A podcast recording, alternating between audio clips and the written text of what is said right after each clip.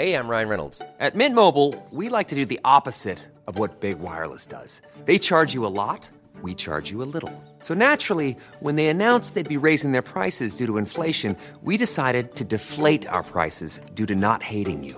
That's right. We're cutting the price of Mint Unlimited from $30 a month to just $15 a month. Give it a try at mintmobile.com slash switch. $45 upfront for three months plus taxes and fees. Promote for new customers for limited time. Unlimited more than 40 gigabytes per month. Slows. Full terms at mintmobile.com. Tired of ads barging into your favorite news podcasts? Good news. Ad-free listening is available on Amazon Music for all the music plus top podcasts included with your Prime membership. Stay up to date on everything newsworthy by downloading the Amazon Music app for free or go to amazon.com slash news ad free. That's amazon.com slash news ad free to catch up on the latest episodes without the ads. Hallo, mijn naam is Gijs Groenteman en dit is weer een dag, de podcast waarin ik elke dag 12 minuten, ik houd bij me de kookwekker, bel met Marcel van Roosmalen.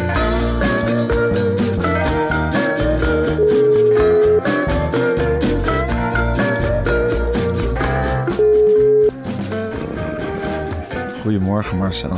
Goedemorgen, Gijs. Goedemorgen Marcel. Goedemorgen. Is, is bij jou ook voorjaarsvakantie trouwens? Ach, man, praat me er niet van. Dus het is elke dag pappendag. Het is iedere dag pappendag. Ik Ja. ben, eh, gisteren ben ik naar, eh eh, naar Podimo geweest eh, voor wat Radio Romano's. En eh, ik ben teruggekomen en ik viel midden in de hectiek. Dat was gewoon... Iedereen thuis? Iedereen thuis en iedereen nood op de zang. En ik heb eh, gewoon op een zeker moment... Ik, ik moet nog een boek af hebben. Nou, daar komt er helemaal niks van. Ik heb op een het werk opzij gelegd. Het wordt me onmogelijk gemaakt door het onderwijsapparaat in Nederland. Wat is dat toch een ongelooflijk verwende groep. Ik, ik, ik, ik hoor ze altijd klagen en ze staan eh, aan de lopende band om loonsverhoging te scanderen op straten. En dan is er weer een actie dit. Maar ondertussen worden ouders ingeschakeld. Nou, om vuren te maken, om hutten te bouwen, om kinderen naar de bibliotheek te halen, om naar het theater te gaan met kinderen, om met kinderen te gaan voetballen, om met ze te spelen, om met ze te wandelen. Ik weet het allemaal niet. Onderwijs en personeel, dat heeft aan een lopende band vakantie. En Ja.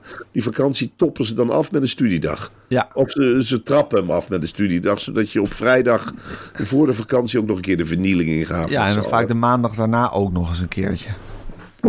Ja, en je bent de hele tijd bezig om je kinderen bij te spijkeren. Ja, en het erg is, Marcel, nu breekt de lente bijna aan. Nou, en dan is het helemaal los met alle Pinksteren, Hemelvaart, Goede Vrijdag, Pasen, eh, meivakantie. Dan komt de zomervakantie er alweer aan. Dan is het gewoon één grote vakantie. Ik snap niet hoe ze denken dat wij gewoon als normale freelancers nog ons werk kunnen doen, überhaupt. Ja, en ik zit dat maar als prioriteit in te stellen op die, eh, op die kieswijzers. Maar er is geen enkele politieke partij die daar ook maar een speerpunt van maakt. Nee? Hoe kan het, Gijs, dat er in Nederland eigenlijk van 1 april tot 1 oktober...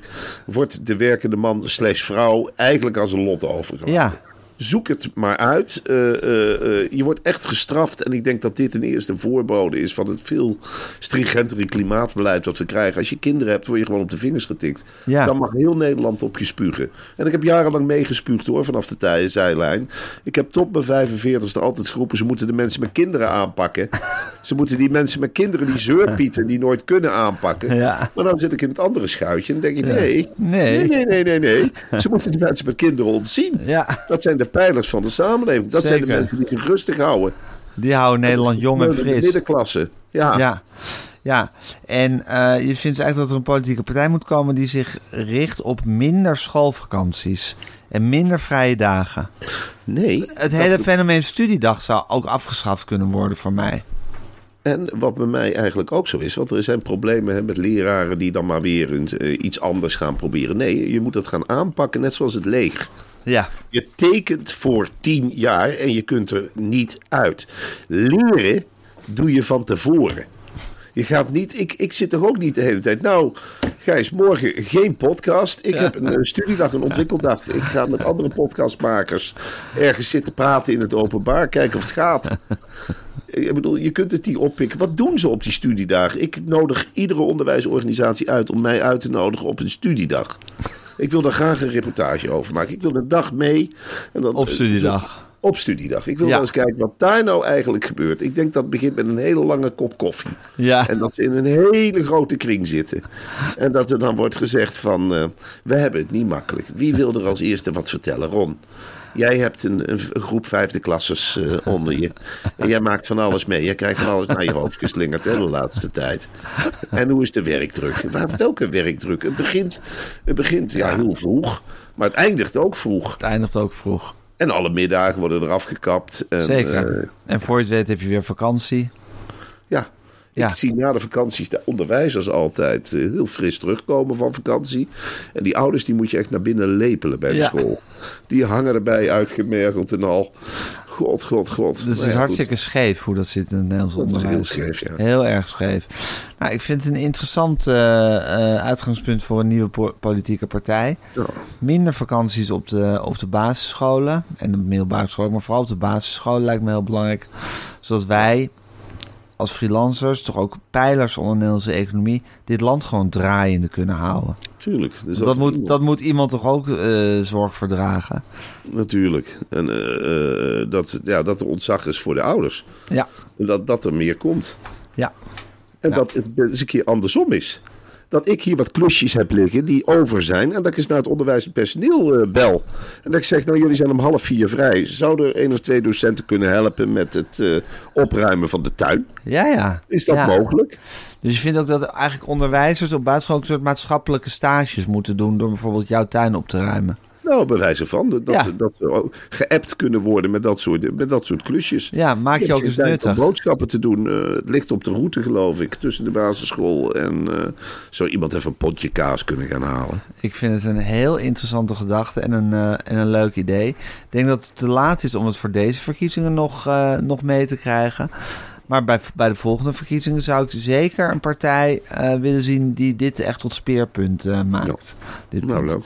Nou, hartstikke goed. Leuk dat we dat bedacht hebben nu. Ik wil het ook nog even met iets anders, eh, over iets anders met je hebben, Marcel. Gisteren vertelden we over de diensten van Freelance Factoring. En dat is de uitkomst voor elke freelancer. Via Freelance Factoring krijg je namelijk binnen 24 uur je factuur uitbetaald, ongeacht de betaaltermijn van je opdrachtgever. Ja, Gijs, en misschien is gisteren ten onrechte de indruk ontstaan dat dan ook de opdrachtgever binnen 24 uur moet betalen. En dat de jongens en meisjes van Freelance Factoring anders meteen actie ondernemen. Maar dat doen ze natuurlijk niet. Maar een herinnering sturen ze pas na de betaaltermijn van de opdrachtgever. Ja. En dat doen ze op een ongelooflijk vriendelijke en geduldige manier. Het is dus niet zo dat beeld dat ik heb eh, geschept. Dat Nee, in je enthousiasme. in mijn enthousiasme. Ja. En dat stel ik me dan zo voor. Nee, het zijn ongelooflijke groeiers. Ze blijven wel aan zo'n opdrachtgever kleven. Maar freelance factoring schiet het geld als het ware voor. En hoe Ja. ze het dan binnenhalen, ze zeggen het ook heel eerlijk recht in je. Dat is, ons, dat is jouw zorg niet, Marcel. Dat is echt jouw zorg. Meneer Wij Marcel. geld binnen. Ga er maar vanuit dat we jouw opdrachtgever met het grootste respect behandelen. Ja. meer respect is niet mogelijk en het maakt ons niet zo gek veel uit. Wij geven jou je geld, je betaalt Ja. ons daar een miniem bedragje voor. Ja. En wij handelen het verder af. Heel vriendelijk en coulant. Ja. Dus dat dat duidelijk is. Ja, precies. Dat is freelance factoring. En als freelancer krijg je dus je geld meteen, nog voordat eh, freelance factoring het geld van de opdrachtgever binnen heeft. Je moet het eigenlijk zien als geweldige goeiers. Ze zitten daar op een bergje geld. Het zal niet veel zijn. Maar alles wat ze hebben keren ze uit aan hun freelancers. En dan is er natuurlijk wel eens paniek. En dan zeggen ze, hoe kunnen we de opdrachtgever zo vriendelijk mogelijk benaderen? Dat we ze absoluut niet schofferen. Dat meneer Gijs en meneer Marcel hun opdrachten niet verliezen. En daar blijven ze aan kleven. En ze kan ze niet zo gek veel schelen wanneer die opdrachtgevers hoeven niet bang te zijn voor freelance factoring. Nee. Wel, nee. Het zijn de vriendelijkste rekeningstuurders die je kunt voorstellen. Natuurlijk is het voor een opdrachtgever vervelend als er de hele tijd een brief op de mat valt. Maar de aanhef is vriendelijk. De telefoontjes zijn vriendelijk. Ze stellen zich uiterst vriendelijk op. En freelance factoring zegt gewoon eigenlijk tegen de klanten van...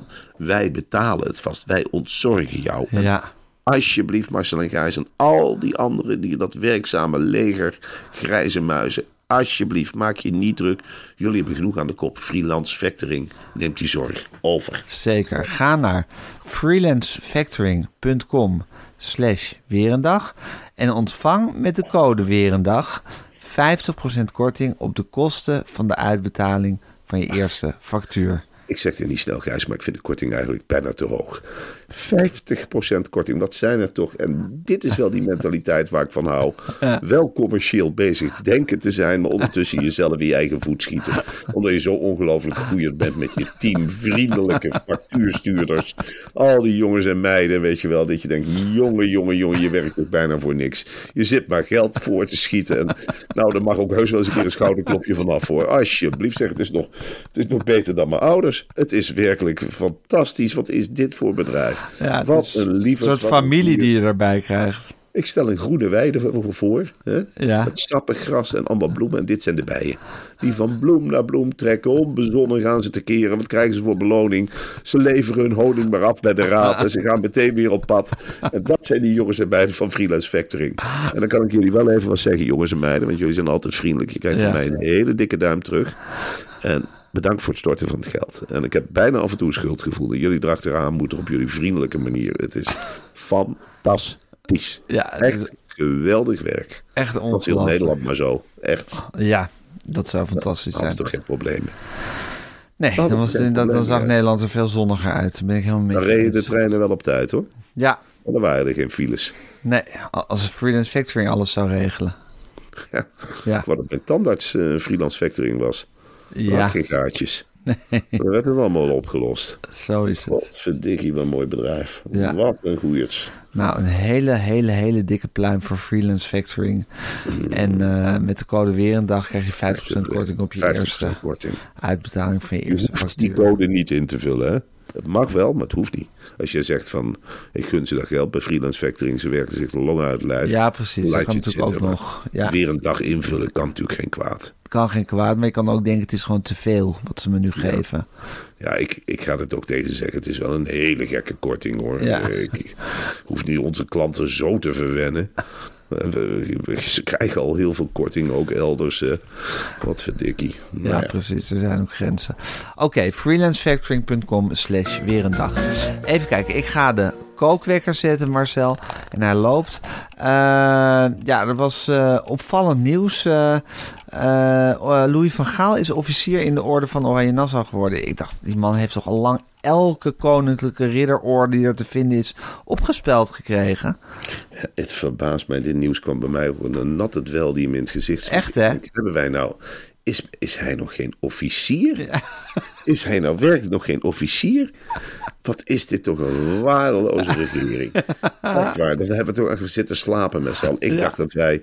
Nou begrijp ik waarom hij zo fanatiek was bij dat WK in Qatar. Ja. Hij, heeft nog, hij heeft nog helemaal geen medailles.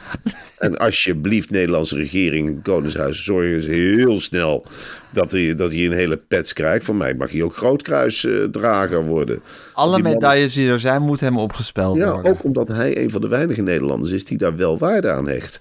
Ik zie Louis van Gaal echt met zo'n mooie glimmerd voor de spiegel staan. Ja. En het de hele tijd aan Truus laten zien. Nou, heb je het gezien, Truus, wat hier hangt? Een officiersorde. Dat ben ik, Louis van Gaal. Ik ben officier. Ik denk ook dat mensen in zo'n omgeving officier tegen hem moeten zeggen nu. En ik, ja, ik vind dit echt wel beschamend. Hij was toch ook ooit in het pretpark eh, Land van Ooit? Weet je dat nog? Wat even heeft bestaan. Was hij toch baron van Ooit of zo? Daar was hij ook hartstikke blij mee. Dat, was hij ook, dat heeft hij heel serieus genomen altijd, dat soort functies. Hij is ook graaf van de Bollevelden geweest. Daar ben ik nog met een bus eh, met hem ooit Precies. achter- En dat nam hij ook serieus, toch? Hij neemt alles serieus. Iedere Ja. onderscheiding. Ik denk dat hij net zoals Frans Klein, dat heb jij toch ook wel eens verteld. Die heeft een heel klein kamertje had hij, hè? Die, eh, bij dat Mediapark. Waar hij al zijn cadeautjes keurig opstapelde en labelde. Want Frans Klein wilde nooit iets te veel aannemen. hè. Het was een, eigenlijk, we hebben hem wel eens bespot hier vanwege zijn belachelijke schema's en zijn vriendjespolitiek. Maar één ding was wel in en in integer. Alle cadeautjes, alle parfummetjes, alle dingetjes werden mooi geordend. En dan ging je daar naar kijken. En ik denk dat Louis van Gaal uit hetzelfde hout is gesneden. Dat hij een aparte walk-in closet heeft voor zijn medailles en zijn oorkondes. En eh, zo stel ik me dat voor. En ik denk dat En deze zat hij dan heerlijk van te genieten. En dan stel ik me zo voor dat hij dan bijvoorbeeld ja, zo'n zo'n orde opspelt op Ja. zijn pak. En dat hij dan salueert bijvoorbeeld voor de spiegel. Ja, dat kun je wel. Dat, dat zie ik ook voor me. En dat die spiegel dan ook helemaal beslaat. Denk je dan ook niet dat hij er heftiger van gaat ademen als het eenmaal opgespeld is? Ja. Dat hij ernaar staat te kijken en dat die kop een beetje opzwelt. En dat hij denkt bij zichzelf, wat verdomme, ik ben toch maar officier. Ja. Ik ben maar officier, wie kan het zeggen? Een, gewone jongen uit de Watergaasmeer. Ja, gewoon een officier geworden. Ja. ja, Dat kan dus wel. Het kan wel. Ja, precies. Dus dat is, zo leeft Louis van Gaal zijn droom. En geeft die man in godsnaam alle medailles die daar te vinden zijn van Koninkrijk. Bedoel, Koningshuis. Wat hij heeft betekend voor Nederland, dat is onmetelijk bijna. Speld ze op en laat, laat hem ervan genieten van die medailles. Nu nog kan. Nu het nog kan, en geef hem alles. Ja. Hey Marcel, ondertussen is, eh, was er, wat- er was een nieuwtje een paar dagen geleden. Bart Kams, de geweldige Bart Kams, cabaretier, heeft een solo-voorstelling gemaakt. Die speelde hij in Duiven. Eerst liep de helft van de zaal eh, leeg eh, uit onvrede met de voorstelling. Uiteindelijk is de theaterdirecteur het toneel opgeklommen en heeft gezegd dat Bart Kams onmiddellijk moest stoppen met zijn voorstelling omdat het te slecht was. Nou, er is een storm van kritiek en woede op, eh, opgestoken bij de collega's van Bart Kams. Ja, zeker. Nou, de eerste die op de barricade stond is Jochem Meijer. Ja, Ja, eh, dan, dan sta je als theaterdirecteur al met 3-0 achter. Want Jochem Meijer is natuurlijk het boegbeeld van... Ja, dat is Van alles. Als zo'n man, zo- zo'n vleesgeworden grappigheid... als die eens eventjes uithaalt... met krulletjes. Met krulletjes en eh, ja, een waardig opvolger. Ik heb hem destijds zien zitten op die achterbank bij André van Duin. Hij is eigenlijk grappiger dan André van Duin. Hij kan Ja. een betere André van Duin op dit moment neerzetten dan André van Ja, Duin André zelf. van Duin is André van Duin een beetje kwijt, heb ik het idee. Nee, maar dat heeft Jochem Meijer helemaal ingeslikt. En daar komt een hele mooie André van Duin uit. En ja, hij heeft ook, ja, het is een geweldig artiest. Eh, wij zingen hier vaak het nummer Ik slaap vannacht wel op de bank. Ja. Dat is een ongelooflijk geestig nummer over eh, een man die op de bank slap, slaapt. Omdat hij eh, bijvoorbeeld tegen zijn vrouw heeft gezegd... wat doen de kinderen in bed terwijl die aan, hun, aan haar billen zit... En dan zijn die billen natuurlijk heel groot. Dan denkt hij dat de kinderen zijn. Nou ja, en dan komt dat refrein weer en dan veert zo'n zaal helemaal op. Het is ongelooflijk geestig. En hij kan tientallen, twintig, dertig, veertig stemmetjes nadoen. Dus als die, ja, als die woedend wordt op zo'n... eh, Theaterdirecteur. zo'n- ja, dan heb ik ook wel te doen met zo'n man. Zo'n man verpulvert dan eigenlijk, hè? Eva Krutsen, onze sympathieke collega. Ja. Er nog overheen. Dat is natuurlijk ook, ja, dat is wel dodelijk. En ik wou het in deze... En die heeft gezegd, die heeft echt een oproep gedaan aan, aan al haar collega's nooit meer in duiven spelen. Meid duiven. Meid duiven. En Ja. dat vind ik. Ik dacht, ja, daar heb je natuurlijk Eva, daar heb jij 100% eh, gelijk in. Ik, heb, ik ben in Arnhem-Velp opgegroeid en wij kwamen eigenlijk nooit in duiven. Duiven ligt daar vlak tegenaan. Het duiven, dat heeft een velverbrandingsoven. Ik wist niet eens dat ze een, eh, een theatertje hadden. En de, de duivenaren, dat is echt een geslagen volk. Ja? Dat is echt, ja, dat is in die regio het minste. Als je zegt je du- oh, oh, dat is toch vreselijk, een duiven, de lucht alleen al. En dan, eh, ja, er is dan een theatertje neergezet, maar die mensen die weten helemaal niet waar ze heen gaan. Die denken, oh, een hok is er neergezet en dan komen ze grappig doen. Laat maar eens gaan kijken, hè, ja, wat kost dat? En dan gaan ze naar Wart Kamps, een komiek. Ze weten allemaal wat een komiek is. Ja. En die zitten daar, ja, ze is net zoals bij Vitesse. Ze lopen gewoon weg als het niet bevalt en het bevalt heel snel niet, hè, een duiven. Oh ja? Nee, dat vinden ze allemaal niks. Ze vinden speelfilms vinden ze ook veel te lang. En ze kunnen niet zappen. En Gaan ze dan ook roepen naar het, eh, naar het scherm? natuurlijk, kijk, ik zit niet te lachen. Ik dacht dat het komisch was. Stond op de poster, of niet? Nou, meneer zit op plot. Hoe lang moeten we nog? Ik moet naar de play. Ik moet naar de play. En dat gaat allemaal. En zo'n theaterdirecteur probeert zijn eigen bende een beetje in goede... Hij denkt gewoon, want dadelijk breken ze de hele zaak af. Ja. Daar slaan ze En dan heb ik geen theater meer. Dan heb ik geen theater meer. Maar het is natuurlijk een hele slechte plek om een theater in te beginnen. Zeker. Ja, ik weet Dus of- heeft zichzelf eigenlijk en zijn theater willen redden eigenlijk door die voorstelling te staken. Dat heeft hij willen doen. En ik snap, ja, ik heb ook te doen met die Wart Kamps. Weet je wel, die weet niet waar die terechtkomt. Die weet helemaal niet waar die, waar die speelt. Je moet niet aan die grappig gaan zitten doen. Nee, Ieder precies. artiest- Ja. ieder artiest valt daar door de mand. Ja, precies. Dus het is, je, je bent het helemaal eens met Eva Krutser de oproep meid duiven. Maar Ja. vooral omdat in duiven valt er eigenlijk geen eer te behalen. Voor wie Ja, dan ook. Er valt geen eer te behalen. En tegelijkertijd roep ik ook op het mededogen met duiven. Die mensen daar die hebben het niet gemakkelijk, hè? Die wonen in duiven, die komen... Heb je ook een warm kloppend hart voor duiven, Marcel? Nee, dat Oh. niet. Maar we hebben het altijd wel. Je moet het een beetje zien als je een familie hebt en je hebt een buurvrouw Die eigenlijk zo vaak op bezoek komt tegen wil en dank. En dat troep meeneemt en uitstalt op tafel als ze weer eens wat heeft gebakken. Ja. Dat je denkt, nou ja, ze hoort erbij, Ze hoort maar ze er ook hoort bij. ook niet bij. Ja. Snap je? Zo'n zo'n mens dat een leven leidt waarvan je denkt, nou ja, prima, je hoort erbij schijnbaar. Op de een of andere manier ben je aan mijn leven gekoekt. En wij eh, we hadden ook wel klasgenootjes die uit Duiven kwamen. In Echt Arnhem op school. Ja, vaak de bleke snoetjes. Bleke snoetjes. En ze hadden van school, ja, daar hebben ze eigenlijk nooit zoveel van begrepen. En we vonden het leuk dat ze meedraaiden. Ze zaten onderwijs. erbij. Ze zaten erbij. Ze kregen hun rapportjes aan het eind van het jaar. En ze waren eigenlijk al bezig met het beramen van misdaden. Of wat ze dan ook in Duiven doen. Hè, wat, wat ze doen. Want daar draait het meestal op uit. Daar draait het meestal op uit. Hangen op straat, misdaden. Een, een, een baan, dat is al heel wat. En dat je dan een leven uitleeft. Levend van vakantie naar vakantie. Waar je elkaar dan ook allemaal tegenkomt. Weinig hoogtepunten. En dan Ja, doorgaan. En daar En komt zo'n Wart Kamps, een, een fijngevoelige jongen uit, uit de Randstad, die komt daar dan in terecht. Ja, dat is ook geen match En natuurlijk. die hangt daar de paljas uit, zeg Gijs. Ja. En die gaat typetjes na gaan zitten doen. Eh, Die gaat als volwassen kerel bijvoorbeeld een vrouw na zitten doen in Duiven. Dat moet je helemaal niet doen. Dan breng je de mensen in verwarring. Daar houden ze absoluut niet van in Duiven. Daar hebben ze ook meteen gezegd van dat vinden we aanstellerij. Ja. Ze vinden heel veel dingen aanstellerij in Duiven. En ze denken, wat doet die jongen in het licht? Wat doet hij op het podium? Waarom zitten wij in het donker? Waarom mag je hier niet eten in de Schouwburg? Waarom, eh, waarom mogen wij niet eten als we honger hebben? Roken. Mag ik een broodje frikandel? Ik Misschien, waar kan ik het halen? Er zit nog een halve liter bier hier, of eh, hoe is het geregeld hier? Hé, hey, Schouwburg-directeur, waar kan ik bier halen of niet? Hoe lang zit die gek nog op het podium? Wanneer begint het? En zo'n man die voelt het aan. Die denkt Ja. tegen ja, ik moet Dit gaat helemaal mis. Ja, hij denkt wel wat een klein mannetje, wat een, wat een, wat een kleine cabaretier of wat het ook is. Dit Ja. ik. In Duiven moet je een klucht neerzetten. Duiven is echt het Johan Derksen-achtige publiek van zet er maar een band in. Ja. Hè, dat je desnoods met de rug naar de band gaat staan en een paar liter bier naar binnen hengst. En dan weer naar huis gaat boerend en wel. Dat is Duiven. Dat is duiven, precies. En dat is, dat is een beetje waar je als artiest rekening mee moet houden... dat je dat tegen kan komen in duiven. Ja. Marcel, ondertussen, eh, de 12 minuten is al bijna op... maar ik wil nog heel even met je hebben... de Provinciale Statenverkiezingen komen er bijna aan.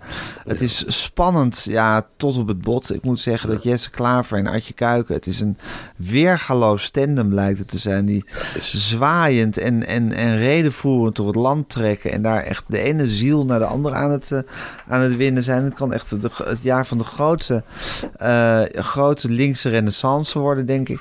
Maar ondertussen wordt er ook gestemd voor die... Wat wou je zeggen? Ja, nee, ik vind dat ze dat eh, inderdaad ook spectaculair aanpakken. Dat is, je voelt gewoon die, die, die linkse hand dat langzaam weer een vuistje wordt. Ja.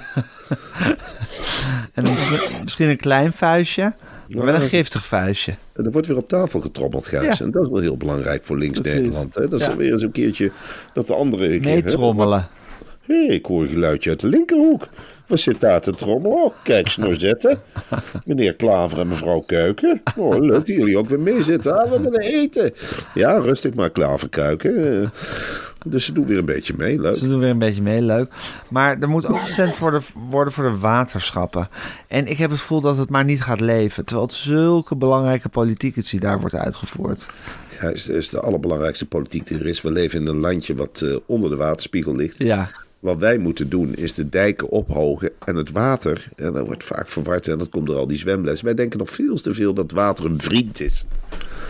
Het water is geen vriend, Gijs. Het water kan een dodelijke eh, vijand zijn. ja. Het water. En daar moet je altijd van bewust zijn.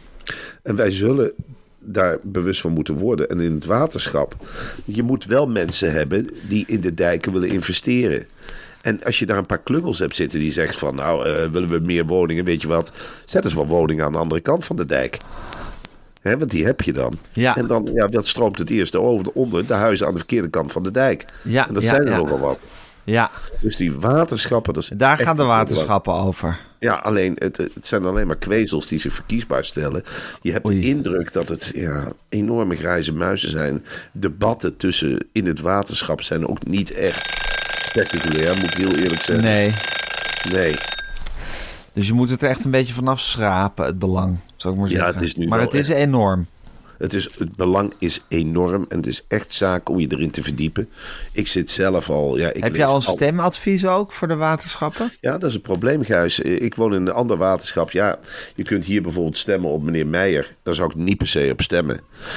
Eh, ik zou op Ostega stemmen. Ja, dat soort dingen moet je dan zeggen. Maar ik zit in een heel ander hoogheemraadschap dan jij. Ja, Ik weet niet hoe de situatie bij jullie in de Watergraafsmeer is. Ik weet alleen dat ik de naam Watergraafsmeer... dat ik denk dat het dan toch wel belangrijk is dat er ook een dijk omheen ligt. Hè? zeker, Als je in zeker. een meer woont. Jij woont in een meer. Ja, zeker. Jij woont waarschijnlijk op Nee. de bodem van een oude zee. Ja, dat is ook zo. Als je ook vanaf Amsterdam-Oosten Watergasmeer rijdt, dan, dan, dan, dan glij je zo naar beneden met je Het is een fiets. grote Dan kuil. hoef je helemaal niet meer te trappen. Het is gewoon een kuil waar we in wonen. En dan heb jij nog heel En als het een keer hard regent, dan staat het hier gewoon onder water. En dan heb jij nog heel veel geluk dat je op twee hoog woont. Hè? Ja, Want jouw onderburen die gaan er wel aan als eerste. Dat is ook geen fris gezicht als je die ziet verdrinken. nee, die zijn er geweest dan. Die Ja. zijn er geweest. Maar Dat- daar stemmen we dus voor op de water, bij de waterschappen. Daar stem je voor om de dijken hoog te houden, om de boel leeg te malen. Hè? Dat er vrijwilligers zijn die zeggen van nou, de boel is overstroomd. Wij gaan eens naar die wijk toe, we pompen leeg. Juist, Dat dat, soort mensen. soort mensen. Maar, kunt gaan op, halen. op welke Ja. partij ik moet stemmen om het beste resultaat te krijgen, dat weet jij ook niet. Nee, Nee, in ieder geval niet op een nationalistische partij. nee. Want Zij- dat, die, Dat is nooit gaan- een goed idee. nooit een goed idee. Ook niet in het waterschapsgijs. Nee, ook niet, juist niet in het waterschap. En zijn hier ook kieswijzers voor, voor de waterschapsverkiezingen? Nee, het is echt iets, wat je zelf moet gaan uitvinden. Oké, oké. Nou Mijn goed, vader wilde ooit verkiesbaar worden voor het waterschap. Echt? Ja, echt. Hij zei niet Namens het CDA? Nou, mijn vader is toen, en dit is, dit is een echt verhaal wat ik... Nee, op persoonlijke titel, eh, van Roosmalen gewoon. Ja, groep van Roosmalen. ze hem te oud. En dat was Ja. een hele lelijke klap op de neus die hij kreeg na zijn pensionering. Ja, Als je er 40 jaar op hebt lopen stemmen. ja. Hè, dat er dan, omdat toevallig Kateman, of hoe heette die van Sigmond, dat die dan tegen mijn vader zegt van meneer Van Roosmalen, we vinden u te oud, we willen Ja. jongeren trekken. Nou, dan moet je bij mijn vader niet mee aankomen natuurlijk. Nee. Hij zegt, het zijn waterschapsverkiezingen. Wat zou je nou zitten te leuren dat je jongeren moet trekken? Er stemmen helemaal geen jongeren, had mijn vader goed gezien. Maar mijn vader had een, die had een compagnon met wie die dat deed. Ik geloof dat het, eh, ja, ik weet niet hoe die man heette, Beumer of zo. Ja. En die hadden een tactiek met z'n tweeën uitgestippeld. Die is een paar keer met elkaar gaan koffie drinken. En toen zei mijn vader, wat wij gaan doen... Wij gaan bij de bejaardenhuizen ro- ronselen. Wij gaan volmachtstemmen binnenharken. En dat werkte. Hij is begonnen bij het bejaardentehuis eh om de hoek, Oosterwolde.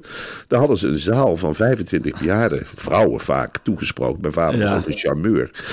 En alle 25 aanwezigen hadden een, ja, een volmacht uitgeschreven... dat ze op eh, Van Roosmalen Beumer gingen stemmen. Jezus. En toen kregen ze de smaak te pakken. Mijn vader was ook enthousiast. Hè? Na zijn pensionering, een hele ordner had hij op een zeker moment met volmacht stemmen. Ja. Mensen die, eh, ja, dat moest hij dan weer onderbrengen bij anderen. Dus, en toen werd hij op een zeker moment door een tegenstander beschuldigd van het ronselen van stemmen. En toen hebben ze hem op toen hebben ze mijn vader van de lijst geschrapt. Echt? Ja, en terwijl die bloed... Wat Dat moet je hardvochtig. van me aannemen. Want het was bloed en bloed eerlijk. Hij heeft daar een hele... Ik ben een keer mee geweest. Hij gaf niet zomaar eh, eh, wat. Hij gaf een heel college over de waterschap in een bejaardentehuis. En dan moet je Ja, hebben, hè. De helft van de aanwezigen dommelde gewoon in.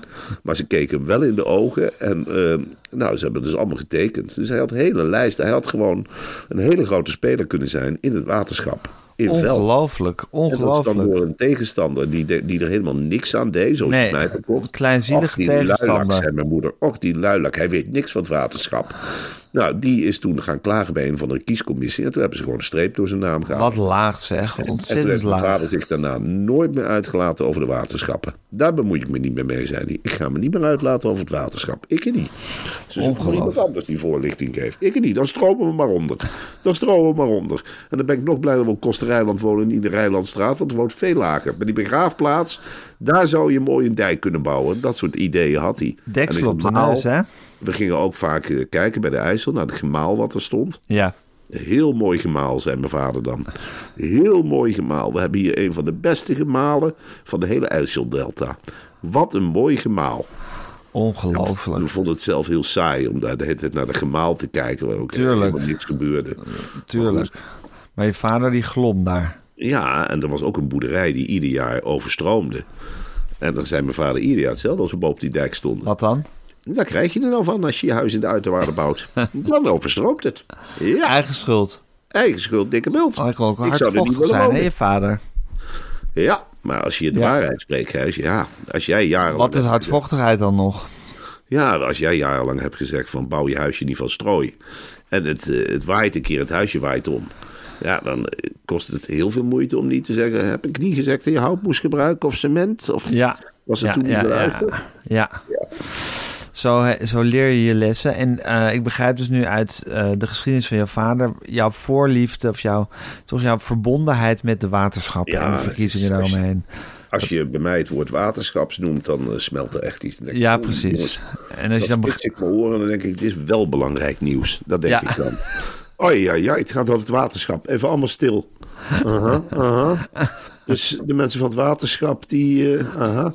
En ze hebben natuurlijk één hele grote belangrijke zet, hè, de waterschappen. Namelijk, Sven Nou, omdat Kokkelman? ze zo onderschat worden. Je moet ieder jaar echt heel veel betalen hè, aan die waterschappen. Ja. Maar wij zijn dus de enige instantie in Nederland die dus gemachtigd is om de belasting rechtstreeks in te houden van je salaris. Ja. Zij schrijven het gewoon, als je niet betaalt bij die Ja. waterschappen, dan wordt het gewoon van je rekening afgeschreven. Dan kun je niet stoppen. Waterschappen, Gijs, kun je niet stoppen. En wat voor filosofie zit erachter? Nou, simpel. De filosofie van het wassende water. Want dan kun je namelijk ook niet stoppen, hè? Als Nee. het water over de dijk is. Nee. Dan weet je ook eens hoe dat is als je natte voeten hebt. Ja. Nee, maar dan is het te laat. Want dan zit je, ja, ja, we hadden hier een dijk moeten bouwen. Ja, dat hadden we moeten doen. Te laat. En zo redeneert het waterschap ook. Ja, Ja. jullie willen de contributie niet betalen, dan pakken we het toch gewoon. Want we moeten toch ook gewoon een dijk bouwen, of niet? Jullie willen geen dijk, maar je krijgt toch een dijk. En later ben dankbaar. Hoe vaak we al wassen vo- natte voeten hadden gehad als er geen dijken waren geweest. Ja. Het is toch ook de ruggengraat van de Nederlandse samenleving eigenlijk, hè, die Zeker. waterschappen. Een goede dijk, Gijs. Ja. Dat vergissen mensen ook. Die denken, oh, leuke dijk, daar ga ik op liggen zonnen. Ja. Oh, lekker zeg, wat is het lekker groen. Oh, kunnen we daar geen bloemetjes op planten? Nee, een goede dijk die heeft in het midden een hele groot stuk beton of Ja. steen zitten. Ja. Want an- wat krijg je anders? Al die dieren die erin kruipen. Ja. En die gaan holletjes maken en die gaan die hele dijk En ondergraven. die maken de dijk gewoon kapot. Je moet er cement in storten in die hollen Ja. van die dieren. Ja. Weg ermee. Dikke, dikke cementmuur moet het zijn. dieren zijn er in wezen op uit om de mensen het leven zuur te maken. Ja. Maar wij zitten maar, oh, wij zijn dierenvrienden. Maar andersom zitten de dieren ook wel eens te vergaderen met elkaar. Zijn we lekker mensenvijanden. Ja. Hoe kunnen we de mensen pesten? Nou, laten we eens in die dijken holletjes gaan graven. Ze storten toch geen cement. Ze hebben weer een zwak waterschap zitten. Ze storten toch geen cement. Daar moet je een heel sterk waterschap hebben. Daarom moet je erin verdiepen. Dan moet je eens even kijken. Dan moet je gewoon die kandidaten gewoon eens opbellen of naast elkaar leggen. Wie er echt hard voor het waterschap heeft. Kun je vaak al aflezen aan het cv. Een niksnut, die heeft waarschijnlijk helemaal niet op zijn cv allemaal waterschapachtige eigenschappen staan. Nee. Die heeft een snackbar gehad en die is taxichauffeur geweest. Die denkt, nou, laat mij eens even lekker waterschap doen. Ja. Zo zit de wereld niet in elkaar. Wel, Zo nee. werkt het niet. Nee. Zo werkt het niet, Gijs. Nee, het is gespecialiseerde kennis. Het is een hele gespecialiseerde Ja. kennis. Ja. Ja, ja, ja. Ik hoor aan jou dat je het gesprek over het waterschap wil afkappen. Hè? Dat, Nee. dat jij toch of niet? Nee, het is nee. allemaal weer niet interessant. Oh, het is het waterschap maar. Ik ga lekker, ik ga lekker een podcast opnemen. Ik ga iemand interviewen. Het gaat maar over het waterschap. Nou, ik oh, dacht- dat vinden we niet belangrijk. Ik dacht, we hebben, nu, slaap. we hebben nu een soort beginkennis van het waterschap opgedaan dankzij jou. Ja. En dan kunnen we misschien de komende twee weken tot aan de verkiezingen... kunnen we steeds wat meer nog over de water. Je moet ook niet in één keer al je informatie over de waterschappen delen. Ja, dat is altijd met het waterschap. Dan mag je dan de partjes hakken. Ja. En de rest van de, van de informatie. Oh, lul maar door, Marcel. Oh, wel interessant. Maar als het over waterschap is, dan is het al snel van. Nou, zullen we het in twaalf partjes hakken? Ja, daar ik helemaal geen voorstander van. Ook om het behapbaar te maken voor de mensen. Maar jij wil graag alles in één keer over de waterschappen Ja, vertellen. maar ik heb er ook geen zin in om iedere dag over het waterschap te gaan praten. Zo is het ook. Waterschap is ontzettend belangrijk. Neem er maar van mij aan. Waterschap, jongen, dat is de kern waar Nederland op draait. Ja. In dus waterschap. De ja, ruggengraat van de samenleving, zoals ik net zei. Water is koud, hè? Mensen denken van, sommige mensen denken tegenwoordig wel, oh, water lekker warm. Ja, als je onder de douche staat, is het lekker warm. Ja. Of als je zo'n speciale kraan hebt, hè, dan komt er kokend water uit. Een koeker. Dat is het echt niet. Maar als jij de dijken doorbreekt, is koud water, hè? Oh, Ja. zo lelijk water. Ba, ba, ba. Een vies water ook vaak, hè? Ja, Er zit veel smurrie in het water, hè? Ba, ba, ba. En dat het is geen helder water. Wel, nee, dan komt de blubber mee. dan komt En het waterschap zorgt ervoor dat het water aan de goede kant van de dijk blijft. Daar zorgt En niet voor. over de huizen eh, wordt uitge, over de huizen heen. Nee, Ja, we hebben het ja. gezien. De slechte waterschap. Limburg, slecht waterschap. En we Ja? hebben vorig jaar gezien wat, wat voor troep het er is. Ja, de rivier neemt altijd wraak. De rivier Op een slechte waterschap. Dus eigenlijk een strijd tussen de rivieren en de waterschap. Ja, en dan moet je Ja. slim en je moet altijd alert zijn.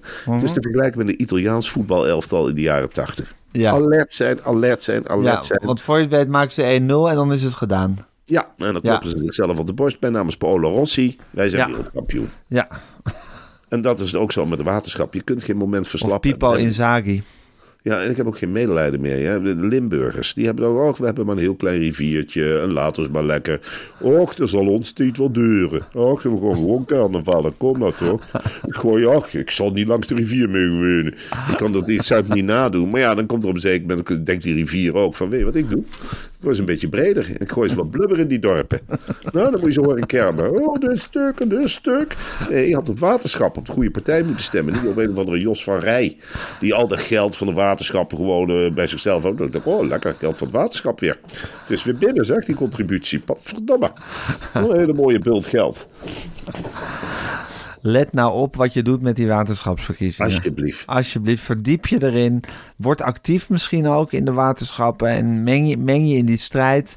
Meng je in die geweldige discussies. Meng, meng je in die discussies. Ga naar avonden over de waterschappen en praat mee.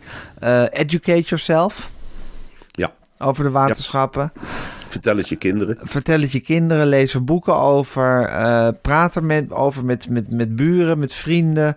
Ik heb nog wat boeken hoor. Waterkering omdat het moet. Een geweldig boek. Er wordt helemaal uitgelegd hoe de waterkering, ja, hoe dat in elkaar zit. Echt waar? Ja, Oh, oh dat wil ik misschien wel van je lenen. Nou, ik neem het, eh wanneer zien we elkaar? Donderdag neem ik het. Donderdag. Oh, leuk. Leuk. Leg het inzagen op de Ja. redactievergadering. Ik neem aan dat... de Ja, misschien willen anderen er ook nog even in kijken, inderdaad. Ja, we hebben daar eh, mensen spitsnuitjes eh, tussen zitten die alles willen weten. Het is meer Ja. dan alleen de media het leven, hè? Ik wist, ik, ik wist eigenlijk helemaal niet dat je zo eh, hartstochtelijk met de waterschappen bezig was, Marcel. Ja. Het is toch raar dat je nu al, weet ik veel, wat 17 jaar ken of zo. Ja. En dat ik gewoon nooit, nooit geweten heb dat, je, dat, dat, dat die waterschappen zo'n grote rol... Natuurlijk weet ik dat je vader belangrijk is geweest in Gelderland met, met de rivierkreeft en de bedding van, van de Berkel en weet ik veel wat. De rivier de Berkel. Maar dat die waterschappen zo'n prominente rol in jouw leven spelen, dat heb ik, heb ik me gewoon nooit Nou, je hebt gerealiseerd. het toch wel, je hebt wel je naam weer waargemaakt. Je hebt het toch maar mooi uitgetrokken als meesterinterviewer. Het is wel fantastisch. Ja, het is nou boven water gekomen. Het is inderdaad een hele belangrijke pijler in mijn leven, het waterschap. Ja, ik ben trots ook wel op, eh, op het waterschap hoor.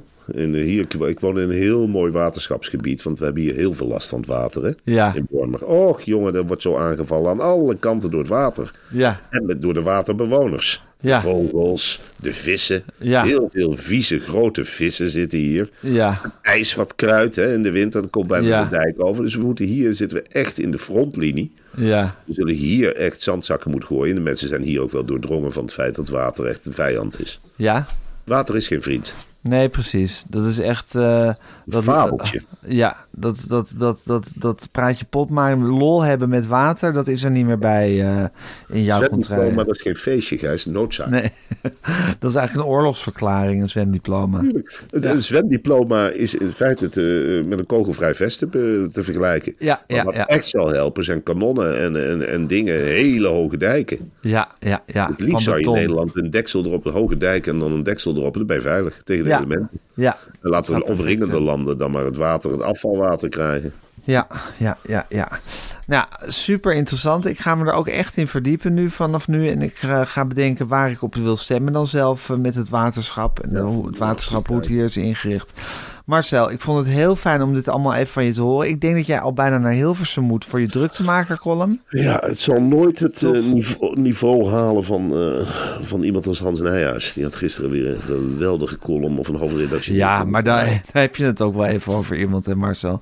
Dat is Ja, echt de, dat is de aartsvader van NRC Next geweest. Het is een ongelooflijk begenadigd hardloper. Hij is geloof ik ook nog correspondent geweest Moskou. en der. Moskou. Berlijn, Amerika. Ik weet niet waar die allemaal heeft gezeten. Het is een, is het is een, het is een journali- journalistieke alleskunner werkelijk. Cosmopoliet puur zang. Hij is hoofddirecteur van het Algemeen Dagblad geweest. Op een gegeven moment heeft hij gezegd: Nee, jongens, dat Nee, is een jongens. kantoorbaan. Ik moet weer de straat op. Ik moet weer tussen de mensen staan met mijn poot in het bluswater. Nou, dat doet hij nu. Hij, hij, is, hij, hij, hij houdt de Nederlandse samenleving een spiegel voor waar je soms van schrikt en soms verliefd naar kan staren, maar die altijd realistisch en waarheidsgetrouw is. En hij schrijft nu ook soms eh, commentaren, hè, hoofdredactionele commentaren in het Algemeen Ik weet nog dat ik Hans Nijhuis voor het eerst zag. Toen hield eh, Peter van der Meers, toen de, de gelauwerde hoofdredacteur Ja. van NRC, die hield een toespraak. Ja. En hij was klaar. En normaal beginnen allemaal redacteuren dan te klappen. En er was één redacteur, klein schriel mannetje, die riep: Wauw! Wauw! dat was Hans Nijhuis. ik die moet ik in de gaten houden. Als ik omhoog wil komen bij de krant, is misschien wel slim om bij hem, met hem aan te pappen. Nou, hij is vertrokken naar het AD. Ja. En hij schrijft echt geweldige commentaren. Eh, Hij schrijft bijvoorbeeld, terwijl het ene gezin dubt over korter douchen of de thermostaat nog lager zetten, delibereert het andere over Vietnam of toch maar Thailand. Op die- vakantie. Op vakantie. En die tweespalt, Ja. die, die, ja, daar is hij over na gaan denken. Hij denkt, verrek zeg, het enige zin dit. Terwijl die anderen gewoon naar Thailand en Vietnam gaan. Ja. En toen is hij tot het inzicht gekomen met heel veel woorden. Hè, want hij gebruikt graag heel veel woorden in zinnen. Om Ja, dan legt hij het goed uit. Dan legt hij het goed en helder uit. En dan zegt hij, veel mensen die komen er op vakantie eigenlijk achter hoe goed wij het hebben. De mens heeft schijnbaar een zesde zintuig dat hij om zich heen kijkt en denkt, nou, in Thailand zijn ook niet alle straten geasfalteerd, hè. De waterschappen in Thailand, hè, daar hebben we een paar jaar geleden rekening voor betaald gekregen, dat is ook niet alles. Nee. En zo kijken de mensen om zich heen. En dan komen ze aan het eind van de conclusie, van de vakantie tot de conclusie. Wat hebben we het toch goed? En dan wil Hans Nijhuis in het AD een nuance aanbrengen. Die zei, als we nou eens gaan denken, wat heb ik het toch goed? In plaats van het we te gebruiken. Want niet iedereen kan zich een vakantie naar Thailand en Vietnam permitteren. En voor dat soort inzichten, ja, dan neem ik mijn hoed af. Wat een relevant commentaar zeg. Ja, je neemt Ja. de mensen toch maar speels mee op een hele lange ingewikkelde reis. Ja, Want zeker. veel huishoudens zal het wel even getrand Ja. hebben s'morgens. Ja. Hij naar een redactioneel commentaar geleverd. Nee, juist weer. Aha, aha. Hij haalt lelijk uit hè, naar de mensen die op vakantie gaan naar Thailand en Vietnam.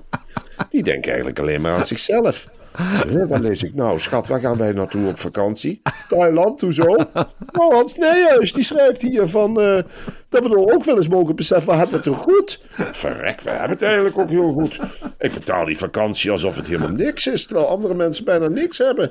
Zou ik me niet eerder moeten verdelen in dit land? Ja, hebben nou al geboekt. Maar ik ga toch voortaan op letten. Dankjewel, Hans Nijhuis, voor dit inzicht.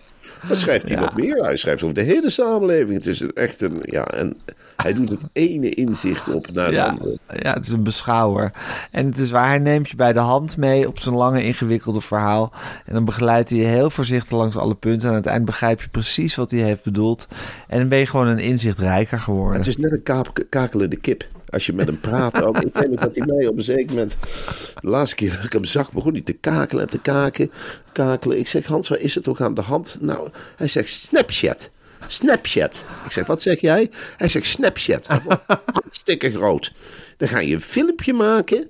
En dat zet je op de World Wide Web... En dan is het een paar uur later verdwenen, maar iedereen heeft het wel gezien. Dat wordt het allergrootste.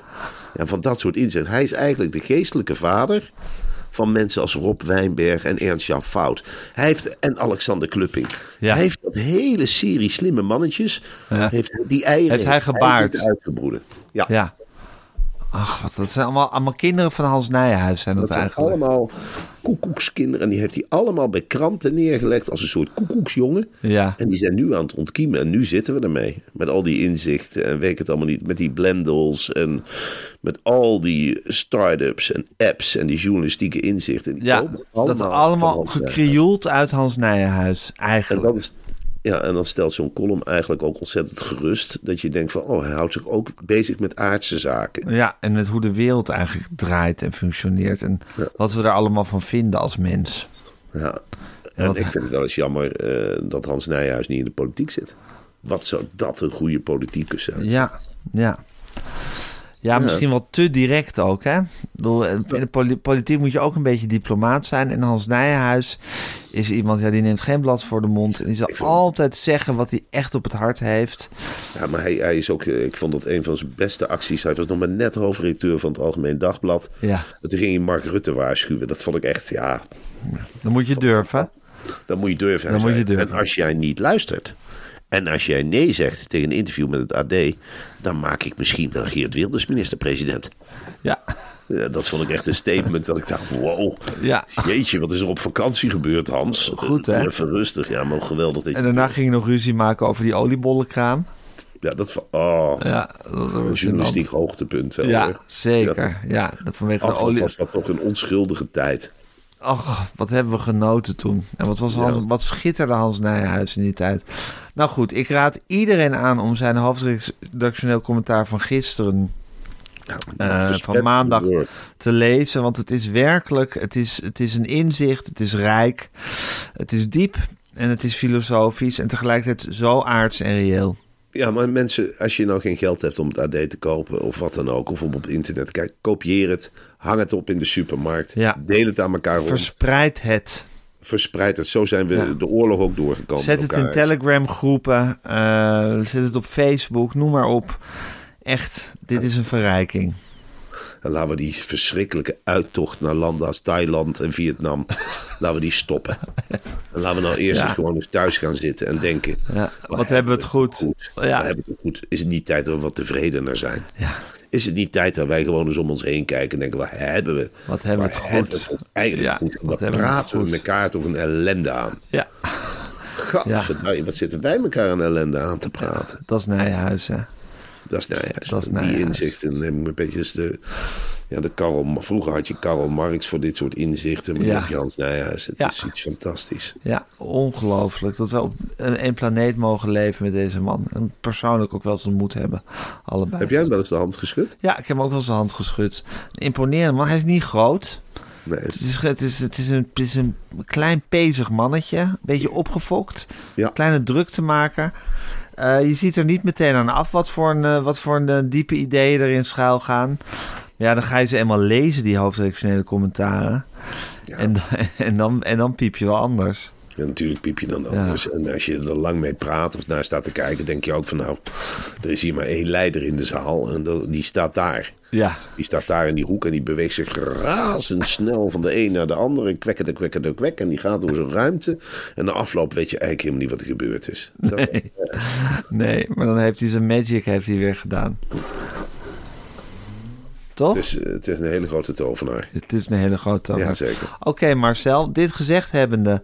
eh, het was een boeiende aflevering. Veel diepe inzichten over van alles gekregen. Maar jij moet, moet, moet nu naar Hilversum om eh, je druk Ja. te maken hè, als druktemaker. Eh het zal een gezellige dag worden, denk ik. Weet je al waar je je column over gaat schrijven?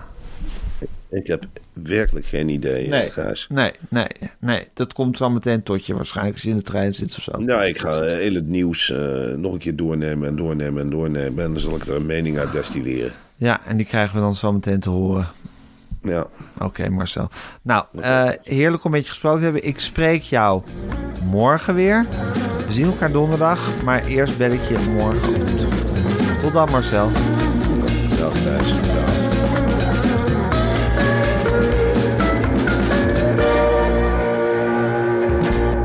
Dit was een podcast van Meer van Dit. Wil je adverteren in deze podcast? Stuur dan een mailtje naar info.meervandit.nl Tired of ads barging into your favorite news podcasts? Good news. Ad-free listening is available on Amazon Music for all the music plus top podcasts included with your Prime membership. Stay up to date on everything newsworthy by downloading the Amazon Music app for free or go to amazon.com That's amazon.com slash news ad free to catch up on the latest episodes without the ads.